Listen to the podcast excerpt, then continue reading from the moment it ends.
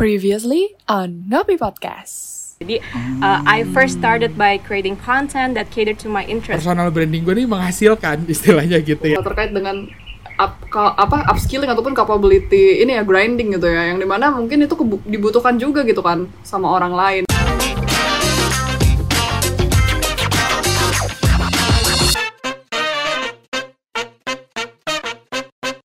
betul Nah, betul. abis ini juga pengen nanya nih, gitu. Tadi Kak, Di- Kak Talia juga Kak Obet tuh sudah sudah mendeskripsikan secara lebar dan detail banget tentang prospek dan pekerjaan yang lagi dilakuin. Coba tapi aku juga sendirinya tuh kepo. Gimana sih sebenarnya kalian tuh mengatur kayak semacam waktunya dan energinya gitu. Coba- benar soalnya kayak kerjaan kita juga udah cukup banyak kan ya bun Betul, ini aku pengen denger dari yang paling berat dulu sih nih Kak Talia nih. Ini tadi baca journaling terus compare ini berat banget itu tambah kerjaan kantor. Wah, Kak Talia, what do you think, Kak? Satu sentence kayak cukup deh. Mulai aja dulu. terbaik banget ah. Setelah sih, mulai jadi- tuh bun setelah mulai gimana bun Subtitlenya, Pasti ada sub, jalan. subdescription. karena selalu ada selalu bisa Enggak, apa uh, tapi in all seriousness gitu ya. um, salah satu trik yang gue biasanya bikin gitu ketika kalau misalnya gue lagi males bikin konten atau gue ngerasa kayak gue main uh, main job gue kayak di sini lagi berat banget tapi at the same time gue lagi pengen bikin konten how do I balance this sih sebenarnya gue punya kayak uh, suatu apa ya suatu trik gitu sih jadi biasanya gue nganggap sebuah tas itu uh, suatu tas besar tuh kayak makan kayak kue yang besar gitu jadi kalau misalnya lo makan kue itu misalnya kayak lo disuruh um, lo disuruh kayak ngerjain satu tas itu misalnya diimplementasikan sebagai kayak lu harus makan satu kue gede gitu itu uh, Mhm. kayak kelihatannya tuh susah banget kan untuk kayak lu Yes. lakuin itu uh, dan bawaannya jadi males aja kayak gue harus ngabisin suatu kue tapi gimana kalau misalnya lo potong-potong kuenya dulu jadi bite size pieces gitu. Jadi uh, lebih reachable dan buat kita sendiri tuh jadi termotivasi karena we do it kayak perlahan-lahan sampai kita menggapai menggapai kayak goal untuk makan kue gede itu. Lama-lama nggak berasa kita makan satu slice makan satu slice tiba-tiba udah habis aja semua Habis. gitu jadi uh, what I do is usually kayak misalnya aku punya satu tas gede that I wanna do. Misalnya bikin konten kayak uh, ini saya kayak create uh, draft gitu. Create draft itu seems like perjuangannya gede banget gitu. Uh, kayak makan satu kue yang gede. Jadi what I do I break that task into bite size pieces. Jadi uh, aku map out dulu what I have to do sebelum aku create draft gitu. Uh, misalnya kayak baca satu jurnal terus nextnya adalah kayak uh, nge-highlight points-pointsnya dan lain-lain. Nah itu tuh kalau misalnya kita nge-breakdown satu tas dari drafting jadi kecil-kecil kayak gitu, aku jadi ngerasa termotivasi dan lebih uh, visible for me to do gitu loh. Jadi that's one of my tricks sih. Hmm, Wah, sedikit-sedikit jadi- lama-lama membukit ya bun ya Betul. Betul. Konsepnya kayak nyicil rumah gitu. nyicil rumah tapi lama Jan Iya, nyicil rumah. Jangan bayangin lamanya ya. Nyicil handphone deh yang tiga bulan. aduh jangan pakai kredivo dah Oh iya. Wah, keren tadi kalau kata lihat cerita tentang kayak gimana cara ngecicil kerjaannya actually tadi ya gitu Kak Afi. Iya, jadi sebenarnya lebih ke ini ya kayak uh, project management juga sebetulnya kayak kita melakukan di kerjaan tuh kayak bener-bener kita kasih lihat tuh ya to do listnya kira-kira apa aja sih buat gue bisa mencapai sebuah goals di project X gitu ya. Jadi kayak biar lebih kerasa juga nih, oh gue udah ngerjain ini bisa di cross, terus kayak ada self rewardnya juga. Kalau gue sih ya pribadi ngerasa kayak gitu biasanya kalau lagi nge-cross sesuatu yang di to do list. Ini di Dan- discussion kita jadi eh, tampar satu kena semua ya ke dirinya ya. Yoi. Nah kalau dari uh, Mr. Obedre gimana nih? ya kalau dari gua eh, mungkin eh, pandemi ini bisa dibilang kan sebenarnya membawa berkahnya adalah kita lebih banyak eh, waktu luang di eh, apa di weekend lah bisa bilang gitu ya. Eh, jadi kayak eh, apa eh, biasanya mungkin Sabtu Minggu ke mana gitu ya. Tetapi kan sekarang karena ada kondisi sehingga akhirnya eh, kita nggak ke mana-mana gitu ya. Nah jadi memang kalau dari gua karena selama pandemi ini eh, gua tuh emang udah nggak allocate sih. Eh, jadi hari Sabtu itu emang hari untuk eh, bisa dibilang eh, untuk ngasih sesuatu eh, dalam arti adalah untuk gua bisa eh, hari di mana gua melakukan sharing-sharing ke universitas gitu ya.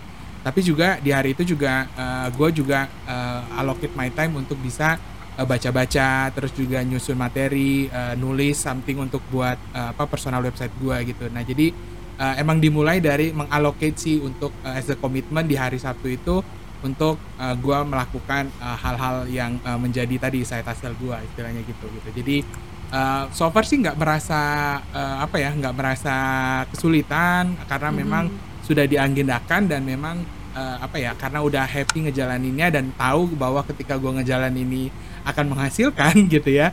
Nah itu jadi motivasi juga sih gitu. Nah jadi gue lebih ke situ sih lebih ke mengagendakan dan juga eh, ya fokus on the price lah istilah gitu Berarti sebenarnya balik-balik lagi ke all about prioritization ya nggak sih Kak betul betul Iya, betul iya. karena bisa Lu- jadi prioritas orang untuk weekend untuk istirahat betul, Betul. Nah, Yoi. tapi ada juga let's say kalau gua kan Sabtu itu gua buat ini tapi Minggu baru gua uh, committed untuk istirahat untuk gereja untuk Hmm. ya untuk uh, siap-siap lah buat hari Senin kayak gitu. Tadi committed untuk istirahat kayak merasa kepanggil saya. Saya, saya. I'm Iya. committed to istirahat. ya sengaja banget gitu ya cuti cuman buat tidur, mantap. Tidur. itu saya. Nah, jadi mungkin tadi gue juga eh, sempet denger tentang kayak mengalokasikan gitu kan kata Kak Obet ya. Jadi mungkin memang eh, tepat banget ya, bukan cuma mengalokasikan waktu dan tugas-tugas atau kerjaan tadi jadi lebih bite size gitu, tapi juga gue suka dengan konsep mengalokasikan energi gitu sih. Jadi kayak book not about eh, all about time management tapi juga energy management gitu sih. Jadi kayak kita juga harus bisa mengalokasikan ke pos-pos yang tepat gitu sih. Kayak tadi misalnya contoh gitu ya uh, instead of kaubat keluar gitu kan sabtu minggu mungkin kalau misalnya dulu pandemi memang bisa gitu kan dan dengan freely Betul. kita lakukan ketemu teman tapi energinya dialihkan ke tadi gitu ya side hustle-nya kaubat gitu sih. That is really really cool Nah, Cool mungkin ini kita bener-bener kayak reminder banget sih. Iya betul. Jadi eh, terpacu ya untuk lebih produktif lagi, Bun. Betul. nah, mungkin eh, ini kali ya eh, terakhir kali ya Jan ya. Kita mau nanya nih ke teman-teman. Kayak Mm-mm, ini pamungkasnya eh, nih. Iya, gue tuh memang banyak ya kayak punya eh, semacam ide gitu ya mau itu yang kayak kayak campaign lucu-lucuan gitu ya macam-macam di sosial media atau kayak yang sampai pernah gue juga kayak cukup agak serius sama teman-teman pengen bikin some kind of like a small businesses gitu kan. Cuman kayak kagak ada yang jalan gitu ya. Jadi kayak cuma stra- itu strategi doang. Cuman mentok Itu di Fauzan BMC. Waliasar. Iya. Itu Fauzan Waliasar. cuman mentok di BMC doang gitu kan. Jadi kayak keren udah ada BMC-nya segala macam tapi kagak jalan gitu.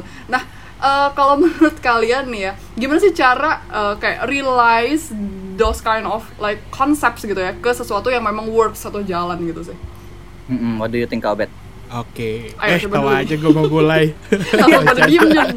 ya mungkin kalau gue yang bisa gue bagiin eh, ini mantra pamungkas gue lah istilahnya gitu ya.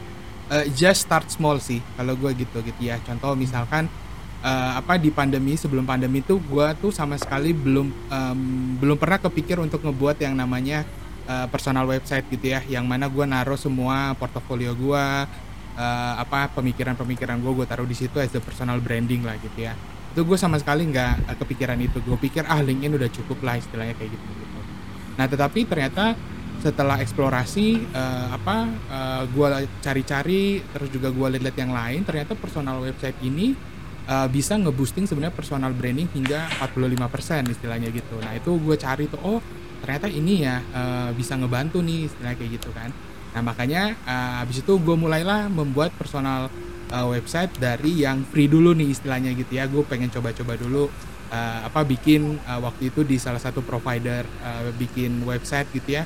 Uh, gratis gue coba bikin dulu uh, kemudian sambil lihat lah gitu. Eh ternyata ada yang approaching karena mereka uh, apa uh, ngelihat uh, personal website gue gitu ya. Nah mulai dari situ oh ternyata bener nih istilahnya ter- uh, ada ada kesempatan untuk uh, bisa orang-orang reach out gue lewat uh, karena mereka visit my personal website kan gitu hingga akhirnya dari situ gue berani untuk menginvestasi eh, apa eh, some investment lah ya setiap bulan untuk bisa eh, maintain eh, website gue yang akhirnya dari dari free eh, udah sekarang jadi paid eh, website lah istilah gitu gitu. Nah jadi eh, dari pengalaman itu mungkin eh, lesson learnnya adalah start small sih gitu ya. Sometimes eh, apa pikiran kita sih yang ngehalangin kita untuk memulai gitu ya. Tetapi ketika kita punya courage untuk start small uh, kemudian kita udah mulai ngeliat nih uh, mulai ada beberapa small victory lah istilah gitu ya ada beberapa milestone.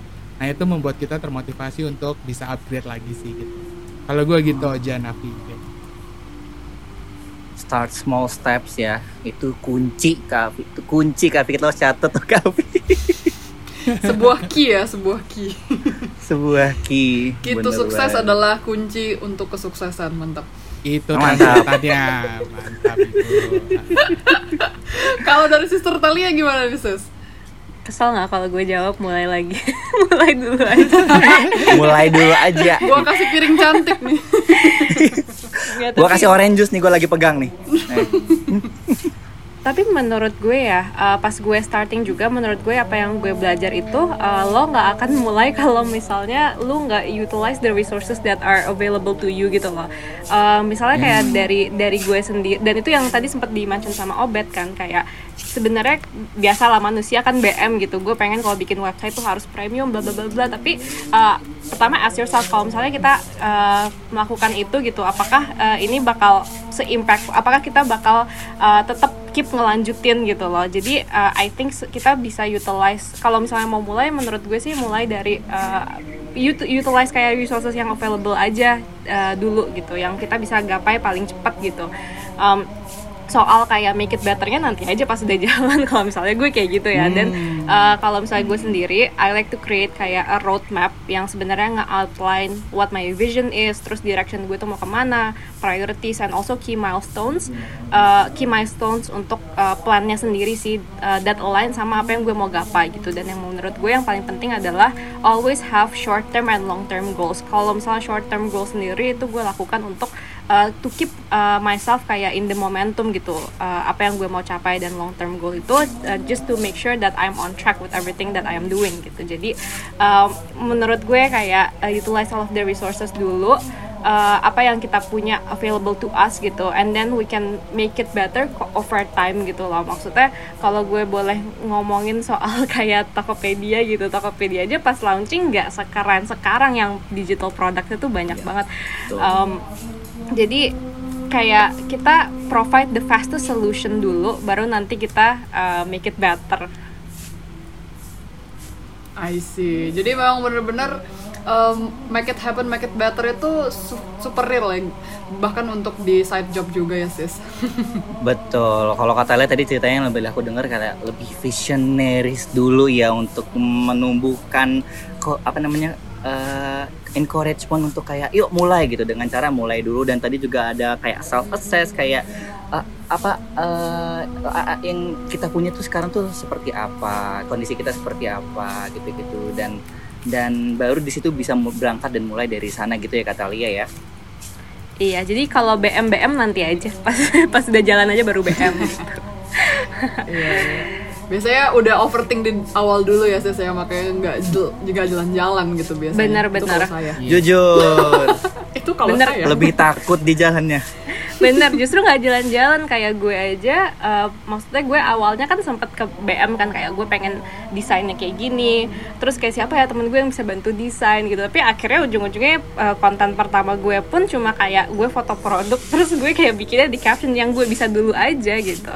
Terus baru perlahan-lahan gue belajar cara desain di Illustrator. Terus gue mulai kayak um, add more features aja sih yang lebih bagus gitu di blog gue Mantap. Hmm, mantap. Oke oke. Nah berarti nih Jan, eh, kita udah cukup banyak dapet eh, hal-hal yang menarik banget ya dari Again. obrolan-obrolan kita di Jujur episode kali again ini. tampar satu ketampar semuanya saya. Ojan mau ketampar pakai duit Waduh, Wah, itu, mau Kak Itu saya juga mau sih pak. saya mau Kak Obet tolong tolong Kak Obet tolong. Habis itu duitnya masuk ke dompet saya gitu ya. Jadi pembicaraan hari ini super insightful banget ya Dedi kita ngomongin tentang kayak eh, prospek apa nih yang bakal cocok di era pandemik dan ngobrolin juga tadi tuh perihal kayak apa yang lagi dilakukan sama speaker-speaker kita yang super keren dan dari juga mungkin ngomongin tentang beneficial dan keuntungannya ya tadi nggak in terms of money doang ya Kavi ya Betul, tapi in terms betul. of knowledges in terms of skill upgrade tadi yang sempat Kavi mention dan juga in terms of kayak eh, connection again baik lagi ya Yuk, networking ya. Mm-mm. Nah, jadi kalau yang gua conclude sih sebenarnya ya Jan yang mungkin bisa jadi key points juga nih buat temen-temen yang lagi ngedengerin gitu ya. Kayak eh, sebenarnya intinya itu adalah tidak ada silver bullets ya atau kayak no size fits all gitu sih. Betul. Eh, jadi kayak em, kalian tuh memang harus cari lagi gitu ya ke dalam diri kalian yang kira-kira sesuai passion dan juga talent kalian itu apa sih sehingga itu bisa kalian jadikan sebagai side hustle gitu ya. Dan juga eh, ingat balik lagi ke impact yang akan kalian rasakan itu bukan cuma tentang material ya atau materialsnya. Tapi juga mungkin terkait dengan exposure bisa kalian dapatkan skill upgrading terkait dengan self gitu ya dan juga impact ke orang lainnya nih yang paling kerasa banget tadi di share sama teman-teman yang lain ya. Dan juga nih untuk how-nya sebetulnya itu kayak eh, gampang banget ya sebetulnya. Adalah managing time sama energi doang sebetulnya untuk cara melakukannya. Betul. tapi memang uh, it's all about prioritization sih. Kalau misalnya untuk saat ini tuh kayak prioritizationnya adalah uh, buat tiduran atau uh, guling-guling doang gitu ya. Uh, mungkin bu- belum saatnya ya untuk anda lakukan ini. Dan yang paling penting nih yang paling di belakang tadi ya uh, jadi uh, punch line gitu gitu ya. Itu tuh kayak untuk melakukan ini kayak to turn the ideas into action tuh jangan lupa sih. Untuk kita tuh selalu inget dan uh, balik lagi ke visi gitu ya. Jadi uh, to ut- utilize our available resources juga gitu ya. Resources. yang di mana adalah mulai aja dulu gitu ya. Soalnya Dulu, kalau untuk mulai bettermentnya aja itu bisa progressing along the way ya nggak sih? Betul banget. Nah, kalau misalnya mengutip nih dari uh, si Nelson Mandela ya, punya quotes yang sangat ciamik. Kata dia adalah it always seem impossible until it's done. Oh, Mantap. Mantap, Kak Alfi. Keren Mantap. banget. Oke, karena kita juga udah di penghujung episode juga di sini I would like to say thank you banget buat Kak Talia yang udah nyempetin waktunya nih dan sharing tentang experience dan best practice-nya di episode kali ini dan juga thank you juga buat Kak Obet yang udah mampir lagi nih ke pantry agak di ujung ya duduknya ya kita ya sekarang ya. Yo, seperti biasa dekat tahu Mas Ro. Betul. Thank you so much ya Kak Obed Thank dan you. Kak Talia di sini gitu. Dan mungkin juga mau ngingetin bu- juga buat teman-teman semua di sini nakama-nakama yang sudah mampir ke pantry kita di lantai 32 nih konsepnya. Dan forget to always stay tune terus di Ngopi Podcast kita nih dengan cara gampang banget bisa di-follow aja our Spotify-nya and mungkin juga bisa keep in touch with our weekly newsletter yaitu Thriving Thursday. Karena bakal selalu di-up di sana kalau semisalnya kita ada episode yang baru. Oke, so mungkin itu aja dari kita, Katalia dan Kak Obed dan juga eh, teman-teman semua di sini. Thank you udah mampir dan always stay healthy and gorgeous juga selama pandemi ini. See you on the next episode of Ngopi Podcast. Mau ngobrol? Ke pantry aja dulu. Oke, thank you so much ya.